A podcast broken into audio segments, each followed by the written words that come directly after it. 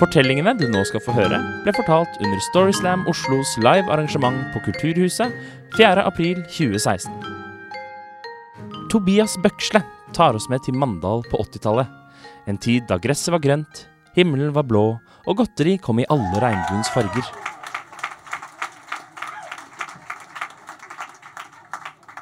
Yes. Øh, Jeg heter Tobias, som han sa. Og jeg er 33 år gammel. Yes! Jeg vokste opp på 80-tallet. Og på slutten av 80-tallet så var det jækla vanskelig å få tak i barnehageplasser i Mandal.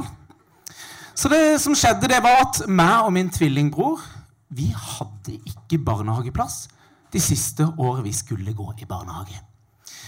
Og mine foreldre de var utrolig oppgitte, for begge måtte jo være i full jobb. Vi hadde ikke råd til at en skulle gå hjem og sulle hjemme med meg og min bror et helt år. Så det de gjorde, det var å ringe en kompis av min far som het Ånen Valand. Ånen Valand han var spillemann. Og når han ikke var spillemann, så jobba han i olja. Så det vil si at han hadde to uker på og to uker av. Og det var bedre enn ingenting, syntes mine foreldre da. Når meg og min bror hørte at vi skulle være sammen med Åmen, ble vi utrolig glad. Fordi at Åmen han var noe av det kuleste mennesket vi visste om. Ja, Han hadde en latter som smittet over på alle. Han hadde stort klovnehår med en brun måne på toppen. Han hadde alltid sånn eh, dongeriskjorte som var kneppa opp, og hadde tøyt, krøllete, lyse hår ut av skjortekraven. Og han hadde dongeribukser på seg, eller olabukser, som dere sier her i hovedstaden. Og han gikk alltid barbeint, fordi at Ånen han hadde lagt vegg-til-vegg-teppe i alle de tre etasjene i 80-tallsfortet som han bodde på på Valand. Huset lå oppe på en topp, og det var malt brunt. Og rundt huset hadde han lagd en satans stor veranda som passa perfekt til å spille fotball på. Han hadde utsikt til et ferskvann, til jorder og til motorveien. Men min bror vi elsker å være hos Ån. Fordi at hos Åren var alt lov. Vi, vi, vi fikk lov til å grise, spise og søle. Han dreit i det. Han hadde en hest i hagen som het Rambo, som var fortøya til et tre. Og En gang tok eh, og satte meg opp på hesten og kilte hesten litt på pungen, så Rambo løp med meg nedover jordene. Vi kunne smelle med kinaputter, og han pleide av og til å kjøre på moped med meg og min bror på bakpå og oppdaga de lokale skogene rundt. Mine foreldre merka at meg og min bror var så glad hver gang de kom for å hente oss på ettermiddagen. Og de, de spurte henne vi skal på fest nå på lørdag. Kunne du tenke deg å, passe Tørres og Tobias da? Ja, ja, ja, det var ikke noe problem. Det, det, det, det, blir helt, helt konge, sa han.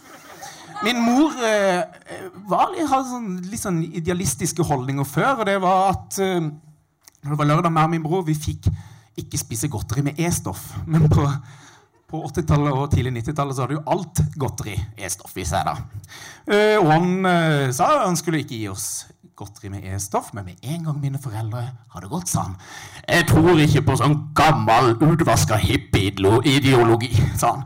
Så han tok og hekta fram lommeboka og ga meg og min bror en tusenlapp som vi skulle få lov å gå ned og handle godteri for. Men det eneste kriteriet var at vi måtte kjøpe tolv halvlitere med CB og ei badle med rullerøyk. Og for dere som ikke vet hva en badle er, så det er rullings. Ånen hadde på eh, forhånd ringt ned til Valand varesenter og Hei, hei, det er Åne. Hei. Snakker med Einar. Ja, hei, åssen går det med deg? Jo, det går greit. Du, Nå skal jeg sende ned to puddinger som skal ned og kjøpe noe øl og noe røyk til meg. Er det greit at du legger det klart? Ja, ja, ja, så fint. Går det bra med deg der oppe på åsen? Helt konge. Meg og min bror løp ned gata.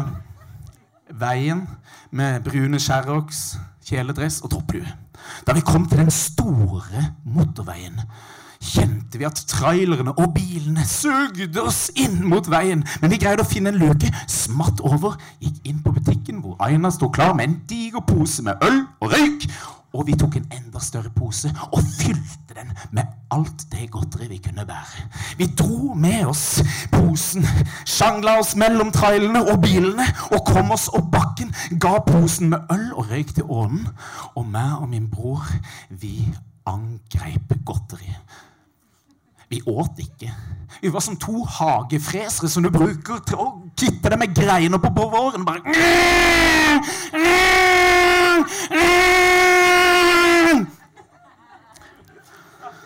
Jeg kjente at jeg begynte å bli kvalm. Jeg gikk bort til ånen med en litt sutrete stemme og sa ånen er kvalm. Ånen spratt opp av skinnstolen sin, løp bort til frysen, henta en friskis og sa en friskis hjelper mot alt. Jeg satte meg på det mintgrønne teppet hans og begynte å sutte på isen. Jeg kjente at jeg var rusa. Lydene var som under vann. Jeg gikk som et dyr som vil dø, og la meg i første etasjen under trappa. Jeg la meg stabilt sideleid og kjente at isen begynte å smelte i den lille neven min. Før han traff teppet med et lite monotont Så skjedde det. Det eksploderte. Først ut av munnen, så ut av ræva.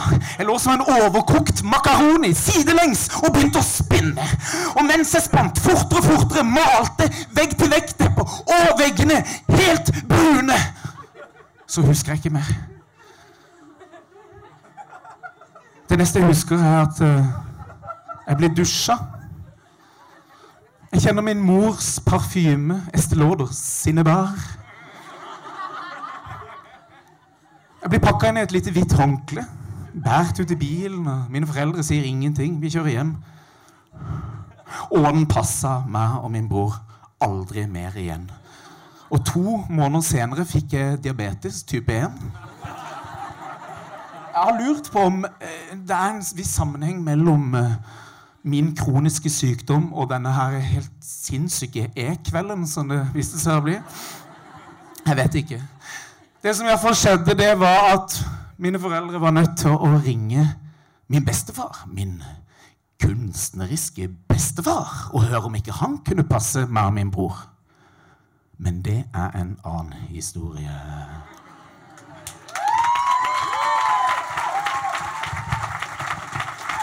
Tusen, tusen takk til Tobias. Det er pussig, for jeg hadde en lignende fysisk reaksjon sist jeg var så den siste Twilight-filmen. Helene Abrahamsen sin fortelling handlet om at man av og til må se ting to ganger før man kan danne et helt bilde.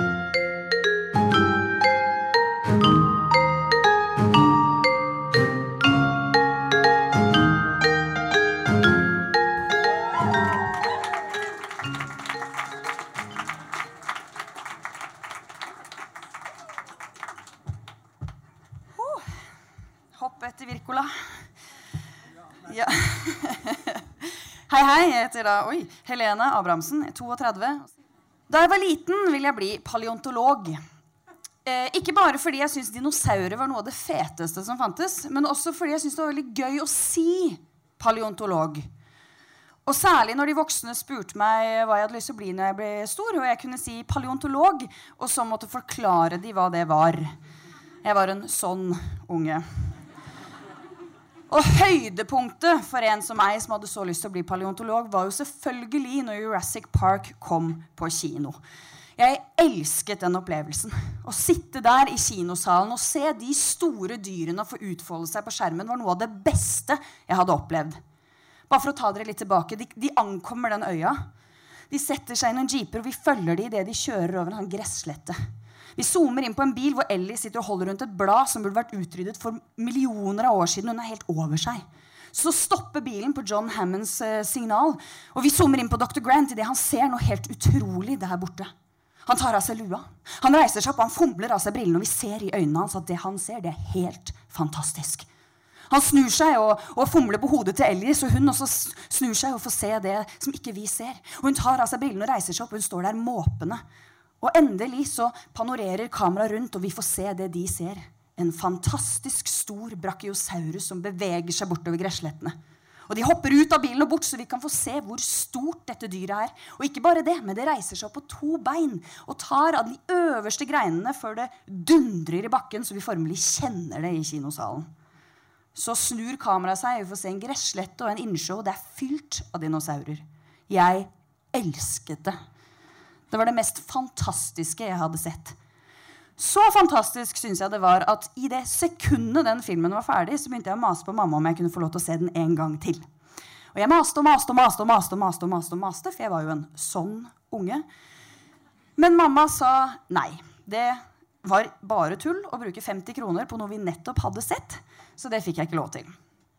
Men noen uker senere så skulle alle vennene mine gå og se Jurassic Park. Så jeg maste og maste og maste og maste, maste, maste, maste, helt til mamma sa greit.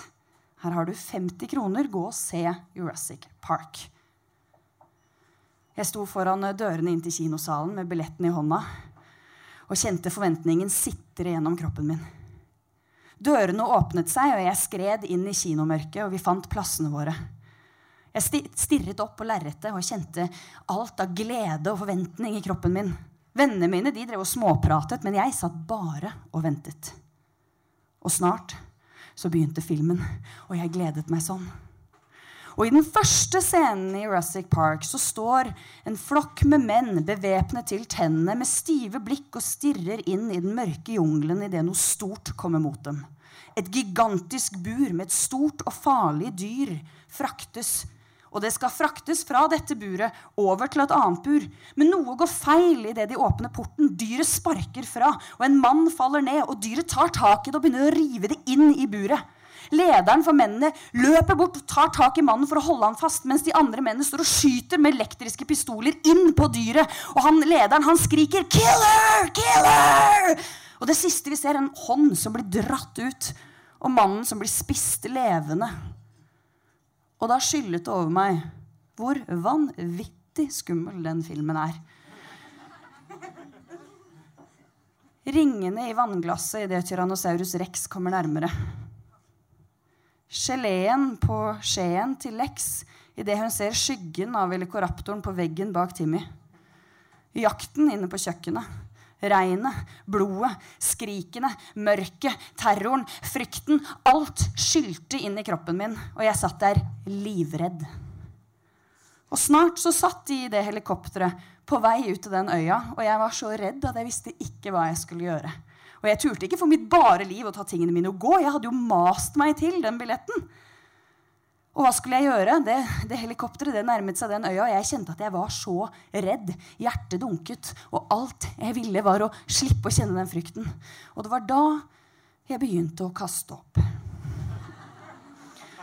Oppkastet rant nedover den lille kroppen min, og jeg lagde brekningslyder. Sånn at mannen som satt på raden foran meg, han hørte det og snudde seg og så. Og han reiste seg og ropte 'Stopp og alle reiste seg, og de snudde seg og så den lille vevre kroppen min som lå der og ristet i rier av brekninger. Og de skjønte at dette dette var ikke bare oppkast, nei, dette var døden. Så de løftet opp den lille kroppen min over hodene mine, og de marsjerte ut i byen. Og lyset var så sterkt mot øynene mine, og de marsjerte meg og paraderte gjennom nedover gågata i Fredrikstad. Og menn, kvinner og barn som var inne hos frisøren og, og, og, og i butikken og, handlet og på kafeer, de kom ut og ropte 'Hva er det som skjer?' Hva er det som skjer? Og paraden ropte tilbake. Det er Helene! Helene kjemper mot døden! Og så en kjempeparade som går opp mot huset til mamma. De åpner døren og går inn i stuen der hun står likblek og ser på at de legger den lille kroppen min ned på, på sofaen. Og ikke en mann, ikke en kvinne, ikke et barn gikk på skole eller jobb mens jeg lå der og kjempet mot døden. Nei, de alle ventet for å se hva som skulle skje. Og etter tre dager så sto jeg opp som en fugl føniks fra asken. Mens min mor satt der og gråt og skalv, holdt jeg henne på skulderen og sa 'Jeg klarte det, mor'. Jeg klarte det.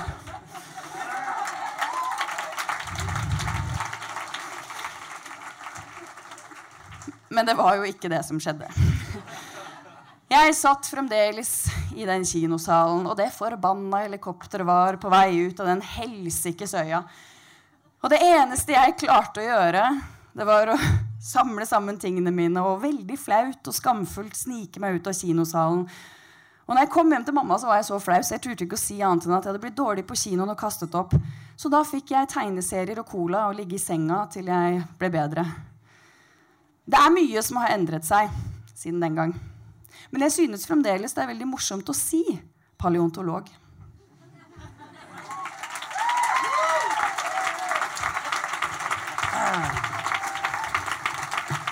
Tusen, tusen takk til Helene.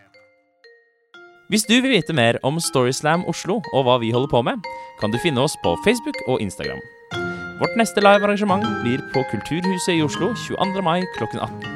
I mellomtiden kan du abonnere på vår podkast, som kommer ut med ujevne mellomrom.